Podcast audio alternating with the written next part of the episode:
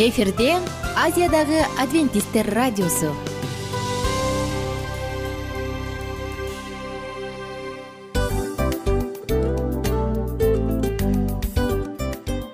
Достор салют.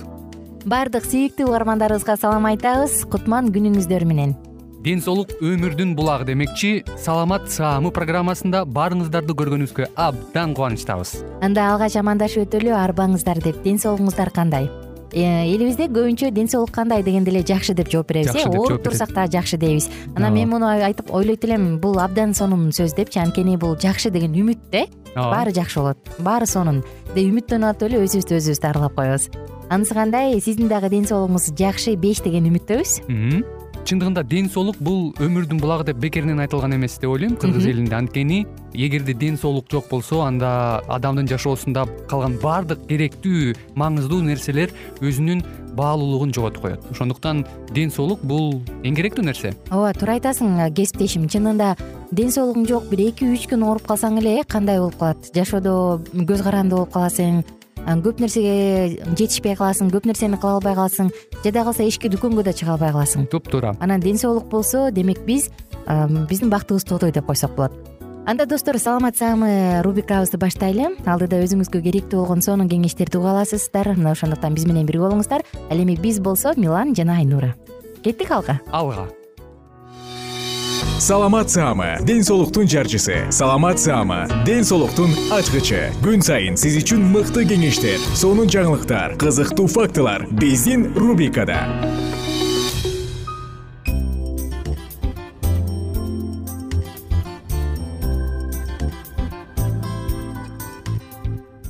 Кутман күн достор сүйүктүү угармандар жалпыңыздар менен амандашып биз саатыбызды баштадык. Жана улантабыз саламат саама рубрикасы жана бүгүнкү тема безетки деп аталат. Угри. Угри чыгып калыптыр э безетки чыгып калыптыр деп жаш учурда өспүрүм өткөл куракта канчалаган кыйналып бетине эмнени гана сүйкөбөсө дагы болбой эле чыга берген учур келет эмеспи? Мына эгерде сизди дагы дал ушундай бет кыйнап жатса безеткилер анда бизди жакшылап угуңуз. Безетки бул эмне грек сөзүнөн алынганда акун деп аталат. Которулат май бездеринин сезгениши безеткинин өнүгүшүн айта турган болсок май бездеринин функциясы күчөп секретинин составынын өзгөрүүсүнөн себорея өнүгөт. Майлуу тешикчеси көп териде бозомдук кара тактар тыгындар пайда болот. Аны сыкканда кара таш курттай болуп чыгат. Чогулган тери майларында ириңдетүүчү микробдор жакшы көбөйөт. Анын тегереги сезгенип түйүнчүлөр ириңчелер түрүндөгү кадимки безетки пайда болот. Эгер аны дарылабаса сезгени күчөп ооруйт ириңдейт айыкканда так калып калышы мүмкүн. Кадимки безетки кадимки жалпысынан өспүрүм балдар кыздарда көп жолугат. Отуз отуз беш жашка келгенде азайып калат. Безетки сымал бүдүрлөр минерал майлар нефть продуктылар кара май менен иштеген жумушчуларда дагы кезигет. Кесип безеткиси деп коет э? Кээ бир учурда безетки сымал бүдүрлөр бром жана йод дарыларын узак убакыт колдонууда дагы пайда болот. Безеткини негизинен доктур дерматолог же косметолог дарылайт. Оорулуу үчүн туура тамактануунун мааниси чоң майлуу ундан жасалган таттуу жана өткүр тамакты алкоголь ичкиликтерин кофе ачуу чай ичүүгө болбойт. Кара нан кайнатылган эт балык жашылча кара күрүч боткосу мунун баары майсыз. Быштак айран алма жана а б с витаминдүү тамак аш ошондой эле витамини көп ачык азык ачык баягы ачыткысы пайдалуу. Өтө ысык жана ашыкча тамак ичүү дагы туура эмес безетки чыгып атканда убагы менен заңдап эгерде ички катып калса доктур сунуш кылган ич алдырма дарыларды колдонуу зарыл организмди чыңоо спортко катышуу таза абада сейилдөө сууга түшүү жана аба күн ванналары сунуш кылынат терини күтө билүү зарыл бетти самын лесное глицериновое миндальное барнатималовое комфорное деген сонун самындар бар э? Дал ушул менен адегенде ысык андан кийин муздак суу менен жууш керек. Беди жалбырагынын же ромашка гүлүнүн ысык кайнатмасы менен жууса дагы болот. Безетки көп жерде самындын көбүгү симирилген тампон менен сүртүү күнүнө эки үч жолу теринин майын азайтуучу жана дезинфекциялоочу каражатты мисалы календуланын ачытмасы нашатыр спиртинин бир пайыздуу эритмесин тамак соодасынын эки пайыздуу эритмесин лимон бадыраң кулпунай ширесин майлуу тери үчүн лосьондорду дагы пайдалануу жакшы. Кызыл безетки көбүнчө орто жаштагы жана улгайган кишилерде көп кезигип келет. Ичеги карын жолунун оорулары гастрит колит холецистит сыяктуу алкоголь ичимдиктерин ичүү териге узак убакыт өтө ысык же сууктун таасир этүүсү бул ооруга түрткү берүүчү фактор болуп эсептелет мурун бет ээкте кызарып ачык кызыл түйүнчө жана ириңчелер пайда болот. Бул дагы достор безетки. Безеткини дарылаш үчүн дагы бир жолу айталы доктурга сөзсүз кеңешке барыш керек. Күндө көп болбой жана күн нурунан сактоочу бет майды сүйкөп бетти шамалдан сакташ керек. Эми бүгүн сиздер менен биз бархат териси деп аталган сок менен бөлүшөлү деп турабыз. Мындай сок адамдын терисин тазалайт уулардын баардыгын чыгарганга жардам берет. Жана ошондой эле адамдын терисин картайтуучу сезгентүүчү каражаттарды пайда кылган баардык токсиндерди чыгарат. Ошондой эле достор бир эле стакан ушундай соктун курамында жүз пайыз а витамининин нормасы бар. Демек булардын баардыгы былжыр челге териге абдан пайдалуу. Бир эле стаканда жүз пайыз бир күнүмдүк керектүү витамин бар таза кожа деп аталган же бархат териси деп аталган сок. Бизде угри угри безеткилерден прыщтардан баардыгынан качканга жардам берип терини сыйдам жана жумшак кылат. Эми бөлүшө баштайлы сизге эмне керек? Төрт кадимки эле төрт тал спаржаны алыңыз. Беш орточо өлчөмдөгү сабиз бир орточо өлчөмдөгү бадыраң жана бир алма. Эми достор баардык ингредиенттерди жууп тазалап сыртын ачып алыңыз. Соковыжималкадан өткөрүңүз. Дагы анын татымына жараша бир аз татымал кошуп алыңыз. Болду. Даяр ширени муздаткычка сактап коюңуз.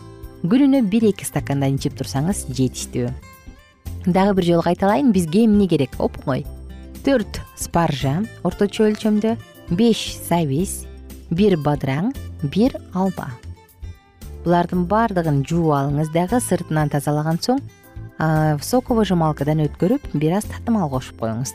Даяр болгон сокту муздаткычта сактаңыз күнүнө бир эки стакандан ичип туруңуз. Даяр даамдуу жана жагымдуу сок даяр. Бархат териси деп аталган сонун соктун касиетин айта турган болсок терини сыйдам кылат жумшартат тазалайт детоксикация жана сезгенүүгө каршы сонун касиети бар.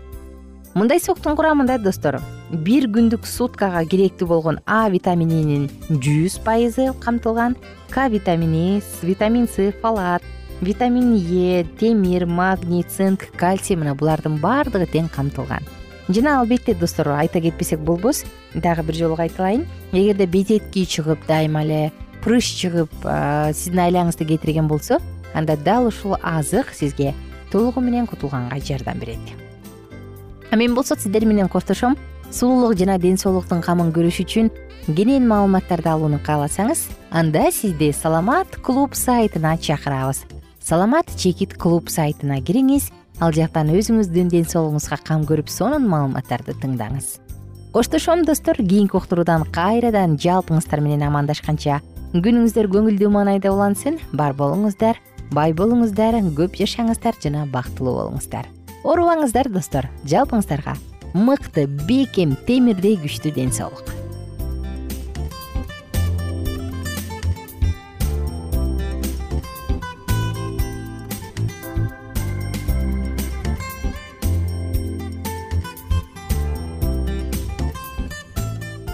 кененирээк маалыматтар үчүн үч w чекит саламат чекит клуб сайтына келип таанышыңыздар. Жана андан тышкары социалдык тармактарда youtube facebook жана instagram баракчаларына катталыңыз. Саламат саама ден соолуктун жарчысы. Саламат саама ден соолуктун ачкычы. Күн сайын сиз үчүн мыкты кеңештер сонун жаңылыктар кызыктуу фактылар. Биздин рубрикада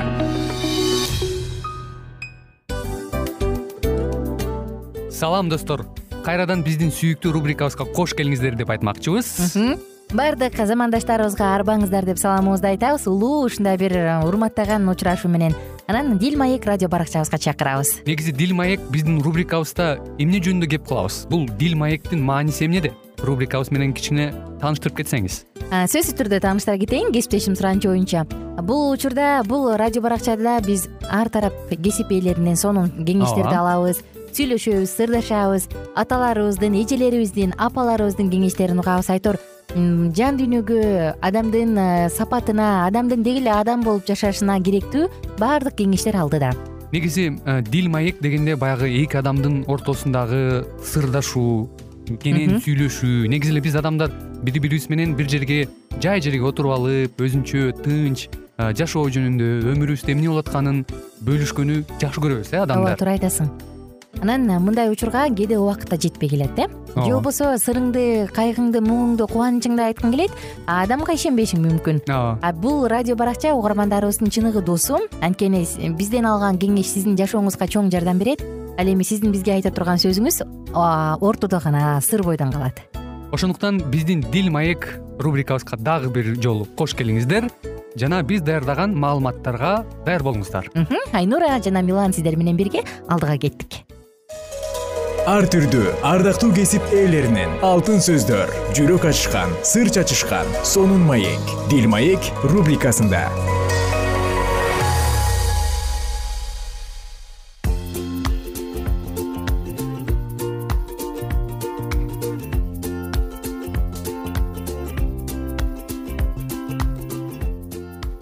кутман күн кадырлуу замандаштар сүйүктүү угармандар жалпыңыздар менен кайрадан амандашып дил маек уктуруусундабыз. Жана бүгүнкү темада дагы сиздердин жашооңуздага сөзсүз таасирин тийгизе алган абдан терең кымбат сонун маалыматтар менен бөлүшөлү деп турган чагыбыз. Жана достор баардыгыңыздарды кош келиңиздер деп чакырабыз. Бүгүн тикмечи айымдарга өзгөчө сонун окуя жөнүндө айтып беребиз мурунку уктурууну бир аз эске салсам мурун биз табита деген аял жөнүндө сөз кылып баштаганбыз э? Ал аялдардын ичинен жалгыз гана ыйсанын шакирти деп аталган дейт. Анын өзгөчөлүгү эмнеде болгон? Ал кийим тигипчү. Тагыраак айтканда тигүүчү айым болчу.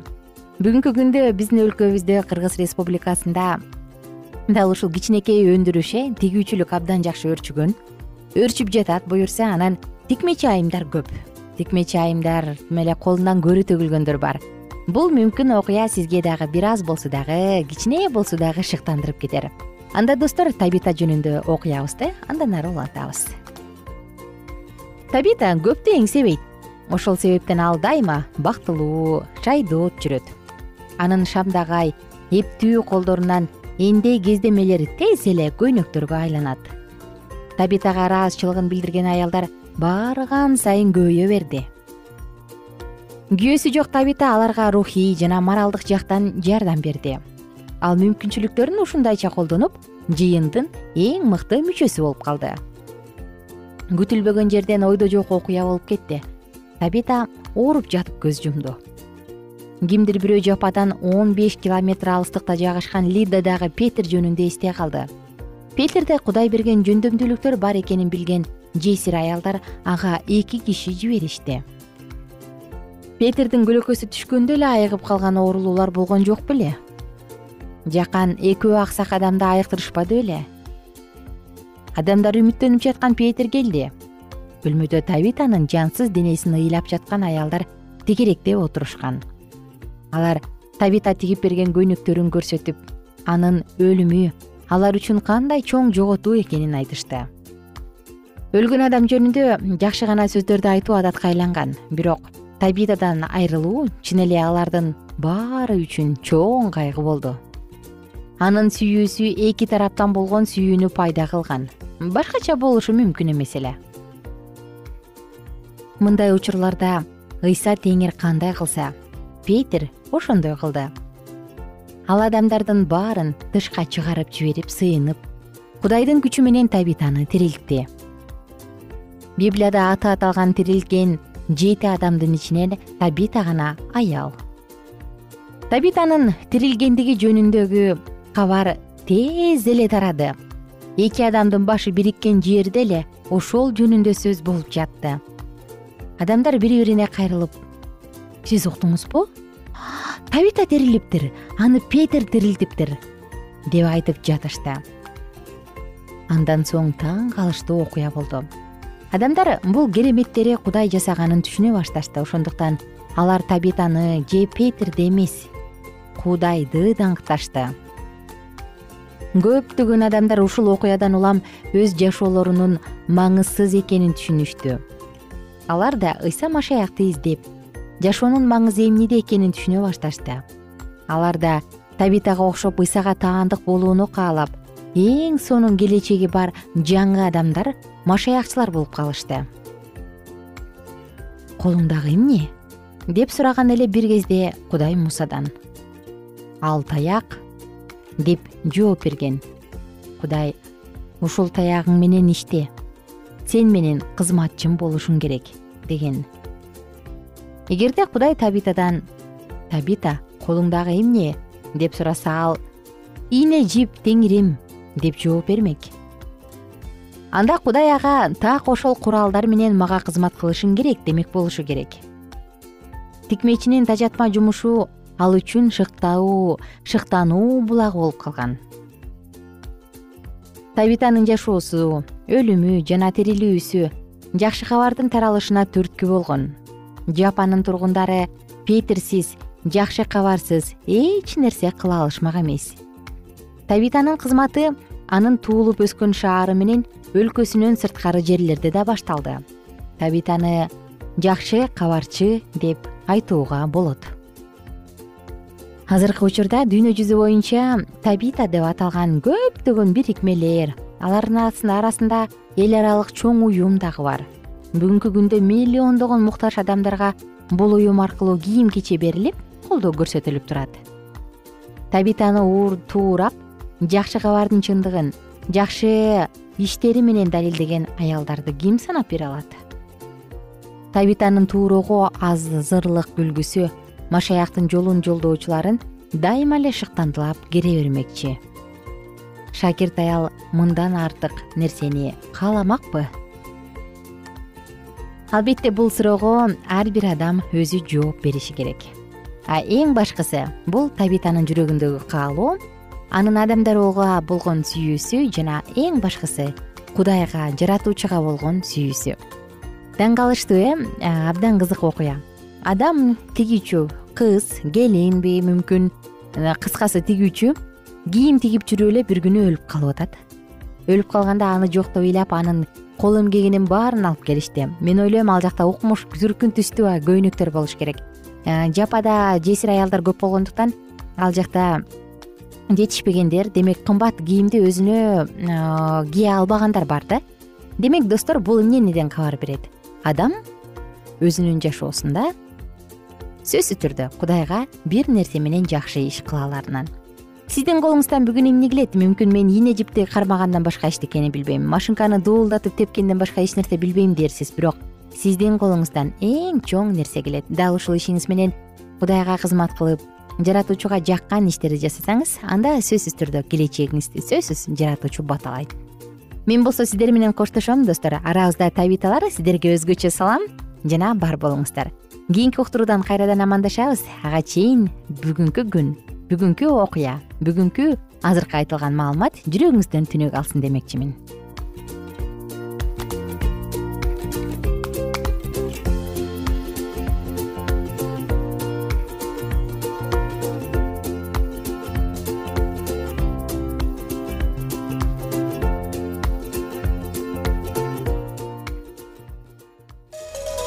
ар түрдүү ардактуу кесип ээлеринен алтын сөздөр жүрөк ачышкан сыр чачышкан сонун маек дил маек рубрикасында.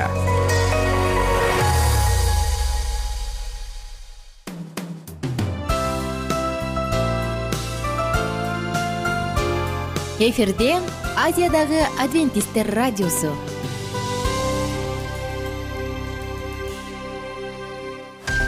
жан дүйнөңдү байыткан жүрөгүңдү азыктанткан жашооңо маңыз тартуулаган жан азык рубрикасы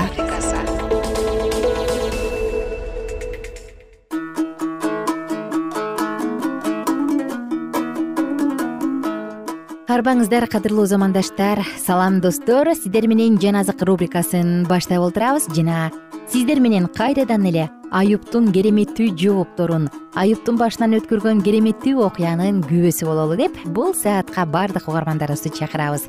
Үн алгынын үнүн бир аз өктөмүрөөк чыгарып алыңыз дагы болгон көңүлүңүздү эки кулагыңызды бизге төшөңүз. Анткени бул маалыматтар бул айтылчу сөздөр албетте кимдир бирөөнүн жүрөгүндө сөзсүз түрдө түнөктап жардам берет деп ишенем. Биз достор сиздер менен аюптун акыркы акыркы эмес сегизинчи жообун айтып жатканбыз э мына ушуну биз андан ары улантабыз. Билдаттын үчүнчү сөзүнөн кийин аюптун берген жообу анда биз менен бирге болуңуз.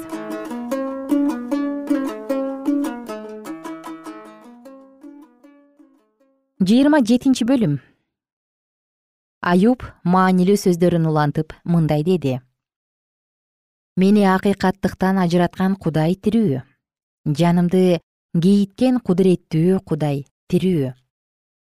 Жаным өзүмдө турганда кудайдын руху таноомдо турганда менин оозум жалганды сүйлөбөйт тилим калп айтпайт. Мен силерди адилеттүү деп эсептөөдөн алысмын. Өмүрүм өткөнчө өзүмдүн таза экендигимден танбайм мен өз чындыгымды бекем кармадым. Эми аны кое бербейм. Өмүрүм өткөнчө жүрөгүм мени жемелебейт. Душманым кара ниет адамдай болот. Мага каршы чыккан адам мыйзамсыз адамдай болот. Анткени кудай эки жүздүү кишинин жанын сууруп алганда ал эмнеден үмүттөнмөк эле? Башына мүшкүл түшкөндө кудай анын зар муңун укмак беле ал кудуреттүү кудайдан сооронуч алмак беле. Ар убакта кудайды чакырмак беле. Кудайдын колунда эмне бар экенин силерге жарыялайм. Бардыгын кармап туруучу кудайдын колунда эмне бар экенин силерден жашырбайм. Мына силер өзүңөр да бардыгын көрдүңөр. Сөз деп эле сүйлөй берүүнүн силерге эмне кереги бар мыйзамсыз адамдын кудайдан тийген энчиси бул. Зулумдардын кудуреттүү кудайдан алган мурасы мындай. Эгерде алардын уулдары көбөйсө анда кылычтан өлүшөт урпактары нанга тойбойт. Артында калгандары өлүм көргө түшүшөт жесирлери ыйлабайт. Ал күмүштү топурактай жыйып алат кийимди ылайдай көп даярдап алат даярдаганы менен анын кийимин адил адам кийет күмүшү айыпсыз адамдын энчисине тиет. Ал өз үйүн күбө курттай курат өз чатырын күзөтчүдөй жасап алат. Ал бай адам болуп уктайт бирок турганда бай адам болуп турбайт. Көзүн ачса ал мурункудай эмес. Коркунучтар аны суудай каптайт түн ичинде аны бороон учуруп кетет. Аны чыгыш шамалы көтөрүп учуруп кетет ал аны турган жеринен учуруп кетет. Ага жулкунуп кирет анын колунан ал канчалык качууга аракет кылса да ал аны аябайт. Аны табалап кол чабышат. Анын турган ордунан ага таң калып ышкырышат. Аюб китеби жыйырма сегизинчи бөлүм. Кудайды акылмандуулугу үчүн даңктоо чындыгында күмүштүн кени бар алтындын эритүүчү жайы бар темир жерден алынат жез таштан эритилип алынат. Адам караңгылыкка чек коет. Караңгылыкта өлүм көлөкөсүндө кылдаттык менен таш издейт. Эч кимдин буту баспаган жерден кен казат түпкүргө түшөт. Адамдар жок жерде илинип термелип турушат. Дан өскөн жердин түпкүрүндө от балбылдап жаткансыйт анын таштарынын арасынан сапфир табышат ал жерден алтын кум чыгат. Ошол жакка барчу жолду жырткыч куш билбейт аны айры куйруктун көзү көргөн эмес. Жаш арстандар аны тепсеген эмес ал жол менен арстан баскан эмес. Ал гранит ташка колун сунат тоолорду түп тамыры менен омкорот. Аскаларды тешип жол чыгарат анын көздөрү бардык асыл байлыктарды көтөрөт. Агын суулардын агымын токтотот. Жашыруун жаткандарды жарыкка чыгарат. Бирок акылмандык кайдан алынат? Акылдын жаткан жери кайда? Адам анын баасын билбейт. Ал тирүүлөр жашаган жерден табылбайт. Түпкүр айтат акыл менде эмес деп. Деңиз да менде эмес дейт. Аны алтынга ала албайсың күмүшкө сатып ала албайсың ал опирдин алтыны менен да кымбат баалуу акак таш менен да көк жакут менен да бааланбайт. Ага алтын да тунук кристалл да тең келбейт аны таза алтындан жасалган идиштерге да алмаша албайсың. Ал эми маржан менен берметтерди айтып өтүүнүн кажети да жок. Акылмандыкка жетүү кыпкызыл лаалга жетүүдөн алда канча артык. Ага эфиопиянын сары жакут таштары дагы тең келбейт ал таза алтын менен бааланбайт. Анда акылмандык кайдан чыгат? Акылдын чыккан жери кайда? Ал бардык тирүү жандардын көзүнөн жашыруун асман куштарына да көрүнбөйт. Абадон менен өлүм ал жөнүндөгү сөздү биз өз кулагыбыз менен уктук дешет. Анын жолун бир гана кудай билет анын орду бир гана кудайга маалым анткени ал жердин түпкүрүнө чейин карап турат. Асман астындагынын бардыгын көрүп турат. Ал шамалга салмак берип жатканда сууларды өлчөмү менен жайгаштырып жатканда жамгырга мыйзам берип жатканда күркүрөгөн чагылгандын жолун түзүп жатканда аны көрдү да жана көрсөттү аны даярдады сыноодон да өткөрдү. Анан адамга мындай деп айтты. Мына акылмандык деген кудайдан коркуу акыл деген кыянаттыктан качуу.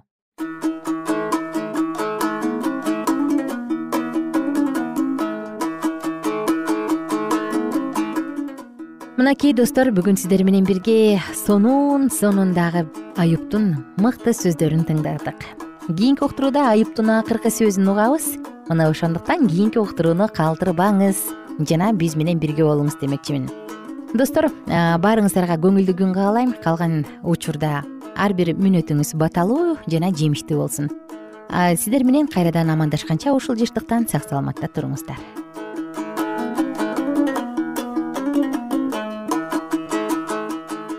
Эгер сиздерде суроолор болсо же көбүрөөк маалымат билем десеңиз анда биздин whatsapp номерибизге жазыңыз. Плюс бир үч жүз бир жети жүз алтымыш алтымыш жетимиш кайрадан плюс бир үч жүз бир жети жүз алтымыш алтымыш жетимиш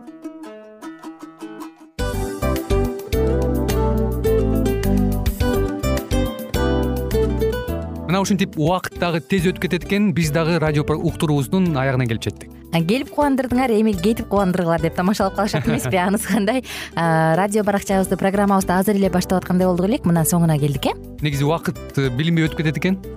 Мен дагы убакыт дегенде бүгүн бир адам менен сүйлөшүп калдым. Анан убакыт бул мүмкүнчүлүк деп айтып өзүмө өзүм айтып алып анан мага өзүмө эле кайра ачылыш болду да чын эле Э, карап отурсаң ошол эле жыйырма төрт саат ошол эле жарым саат кайталанып атат. Бирок сендеги мүмкүнчүлүк жок ошол кой берилип кетти? Анысы кандай? Бүгүнкү сонун убактыңызды алтындай болгон жарым саатыңызды бизге бөлүп арнаганыңыз үчүн ыраазычылык айтабыз. Анан жашооңуздун кайсы бир сферасын өзгөртө турган сонун пайдалуу кеңеш алган болсоңуз анда биз максатыбызга жеттик. Анан ушул нерсени кылбасам десеңиз ошол өзгөрүүлөрдү кичинекей кадамдардан баштап иш жүзүнө ашырыңыз дагы жашооңузда чоң чоң ийгиликтерге жетиңиздер чын жүрөктөн ар бир берилген кеңештер сөздөр сиздерге пайдасын алып келет деп ишенебиз жана кийинки уктурууларда сөзсүз түрдө чыдамсыздык менен сиздерди күтөбүз. Сагынычтуу салам айтып кайрадан дал ушул жыштыктан баардыгыңыздарды тосуп алганча кызматта мен айнура жана кесиптешим милан. Анда кол пул каалайбыз жалпыңыздарга ийгиликтүү күн. Саламатта калыңыздар